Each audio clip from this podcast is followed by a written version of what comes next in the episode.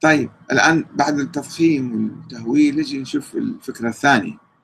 استمرار الوحي بعد الرسول. ويذهب المدرس بعيدا وهو يحاول الاستدلال على وجود الإمام المهدي بصورة تعسفية. فيطرح فكرة خطيرة. مناقضة لخاتمية النبي محمد صلى الله عليه وسلم. وهي الفكرة اللي يطرحها ضرورة استمرارية الوحي إلى يوم القيامة. فيقول إن الإنسان الذي يعتقد بالوحي الذي هو تجل من تجليات قدرة الله تعالى ورحمته بالإنسان لابد له أن يعتقد بالإمام الحجة عليه السلام. الذي لأن لأن الذي ربط الأرض بالسماء بفضل الوحي الله يعني تأبى رحمته ويأبى فضله العميم على الإنسان ويأبى لطفه أن يترك البشرية دون رابط يربطها بالسماء بعد وفاة خاتم الأنبياء والمرسلين محمد صلى الله عليه وسلم. يقول خاتم الأنبياء ويقول لازم الوحي يستمر. وصار نبي إذا نزل وحي على إنسان صار نبي هذا الإنسان.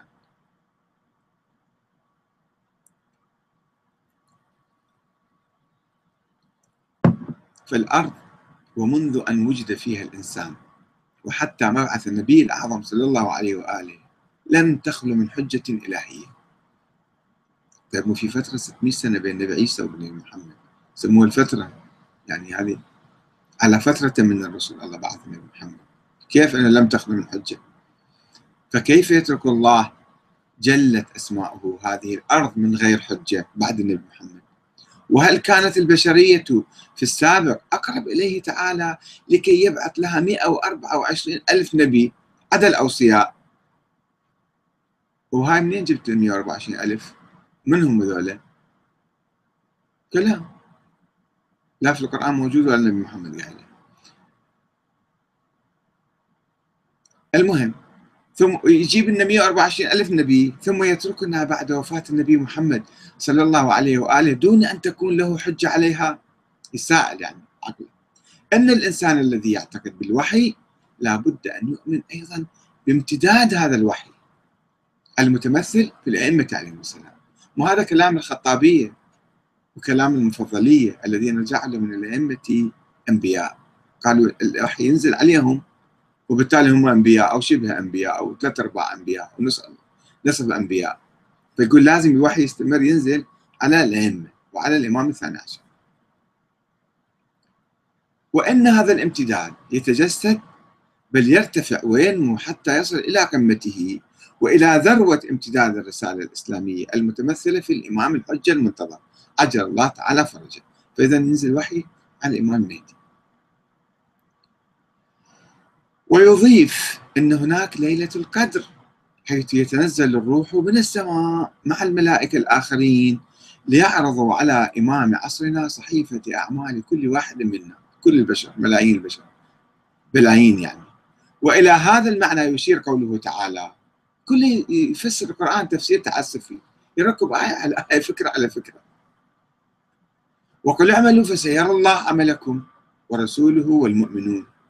ويقول الشيعة يعتقدون اعتقادا راسخا ويؤمنون تمام الإيمان بوجود هذا الإنسان الغيبي الإلهي الذي ينزل عليه الروح الأعظم في ليلة القدر التي هي خير من ألف شهر.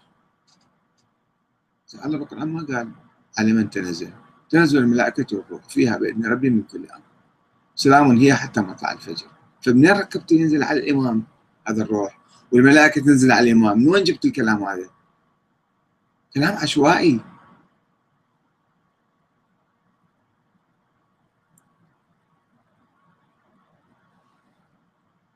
وهذا المعنى يشير قوله تعالى وقل, وقل اعملوا فيسير الله عملكم ورسوله والمؤمنون.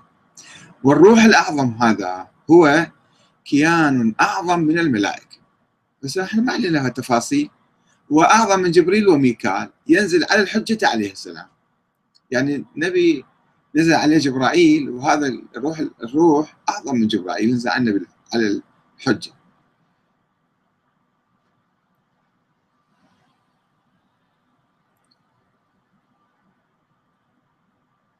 ويؤكد المدرسي وليس هناك فوق هذا الكوكب الذي نحيا عليه ورغم ما تزدحم وتتصارع فيه آلاف الأديان والمذاهب بالإضافة إلى الأفكار والمبادئ والنظريات والفلسفات العديدة المنتشرة هنا وهناك أقول ليس هناك دين أو مذهب أو مبدأ واحد يقول أن العلاقة بين السماء والأرض أو بعبارة أخرى بين الإنسان وخالقه هي علاقة مستمرة كما هي عقيدة الشيعة. يقول بس إحنا الشيعة نعتقد أن الشيعة ما يعتقدون الشيعة. أنت تعتقد. ليش تزور على الشيعة؟ الشيعة لا يعتقد أن الوحي ينزل عليهم. لكن هو يصور نفسه هو يمثل الشيعة دي. الناطق الرسمي باسم الشيعة ودي يتكلم. كلام من كلام الغلاة الذين قالوا الأنبياء الأئمة أنبياء كما هو الحال لدى أتباع المذاهب الإسلامية الأخرى. حيث يقول فنحن فنحن نؤمن باستمرار ودوام هذه العلاقة بين الإنسان وبارئه ولا نرى انقطاعها كما هو الحال لدى أتباع المذاهب الإسلامية الأخرى. كذب هذا مو صحيح. الشيعة ما يدعون الكلام ولا يقولون الكلام أنت جايبه من بطنك. جايبه من الغلاة ماخذه. حيث يقولون إنها انقطعت بوفاة النبي صلى الله عليه وآله وانقطاع الوحي انقطع خلص بعد. والنبي أنت تقول خاتم الأنبياء. يعني بعد ما في وحي ينزل عليه على أحد. والوحي شنو هو؟ منام قد يكون وحي. شيء إلهام يكون وحي. فكيف تنسب ذلك العلم إلى الأئمة يعني؟ صاروا شبه أنبياء. أنبياء يعني. حيث يقولون إنها انقطعت. ولا يعترفون بوجود إنسان يحيا على هذه الأرض ذي صلة بالله سبحانه.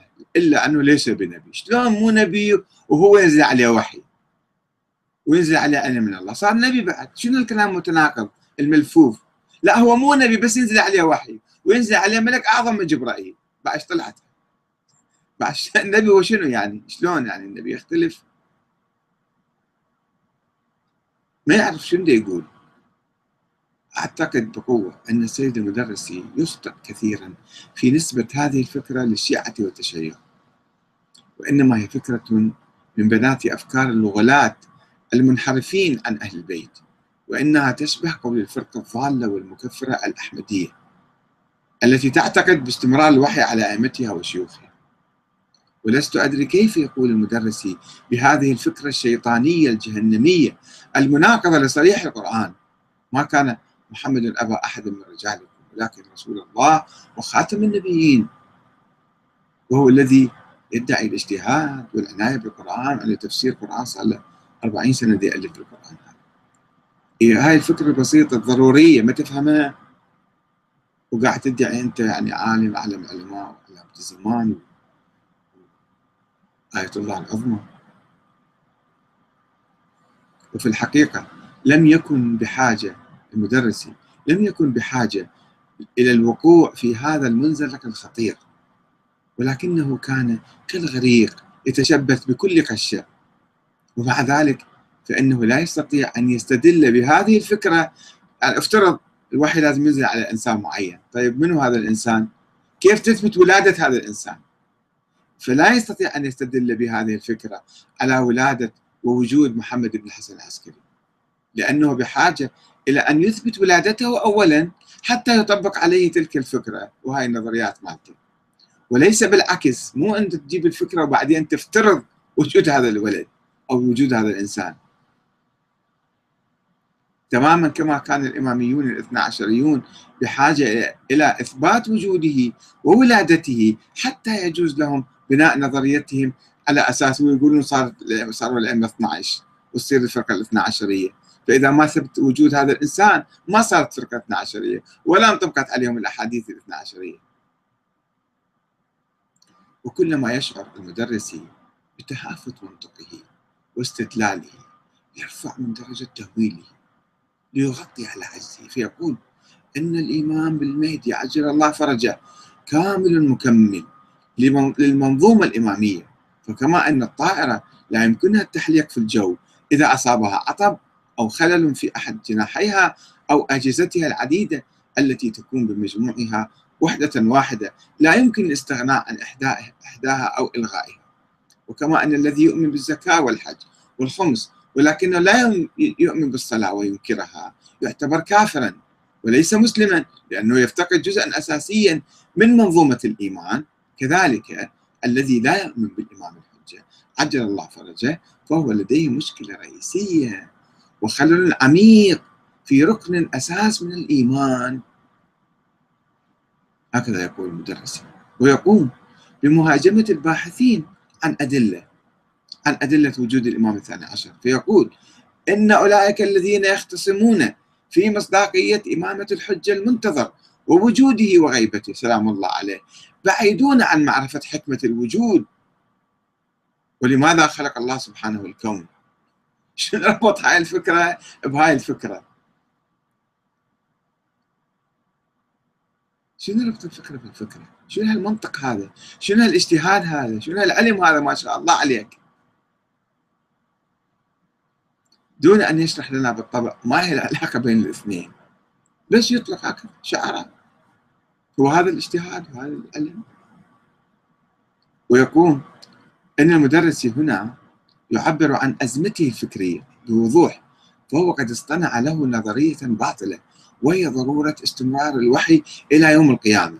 ثم ذهب يبحث عن ذلك المصداق الخارجي لمتلقي الوحي ولم يكن يملك أي دليل على وجوده ولكنه لا يريد أن يعترف بخطأ نظرياته فيحاول افتراض وجود ذلك الولد بصورة تعسفية. ولما كان منطقه ضعيفا فإنه يحاول أن يغلفه بستار من النيران الموجهة ضد كل باحث موضوعي أو متسائل بريء. يسألك عن دليلك. تقلب الدنيا عليه. عجب ليش؟ ولنشاهده مرة أخرى وهو يتخبط في أزمته إلى درجة إنكار ضروري من ضروريات الدين. يقول هل من المعقول أن يخلق الله الخلق من أجل مجموعة من الأشخاص وهو النبي وأوصياءه من بعده. ثم يعمد الله أن يخلي الأرض منهم. ينقطعون ويخلصون بعدين. حيث تبقى الدنيا دون أن تبقى الحكمة من خلقها.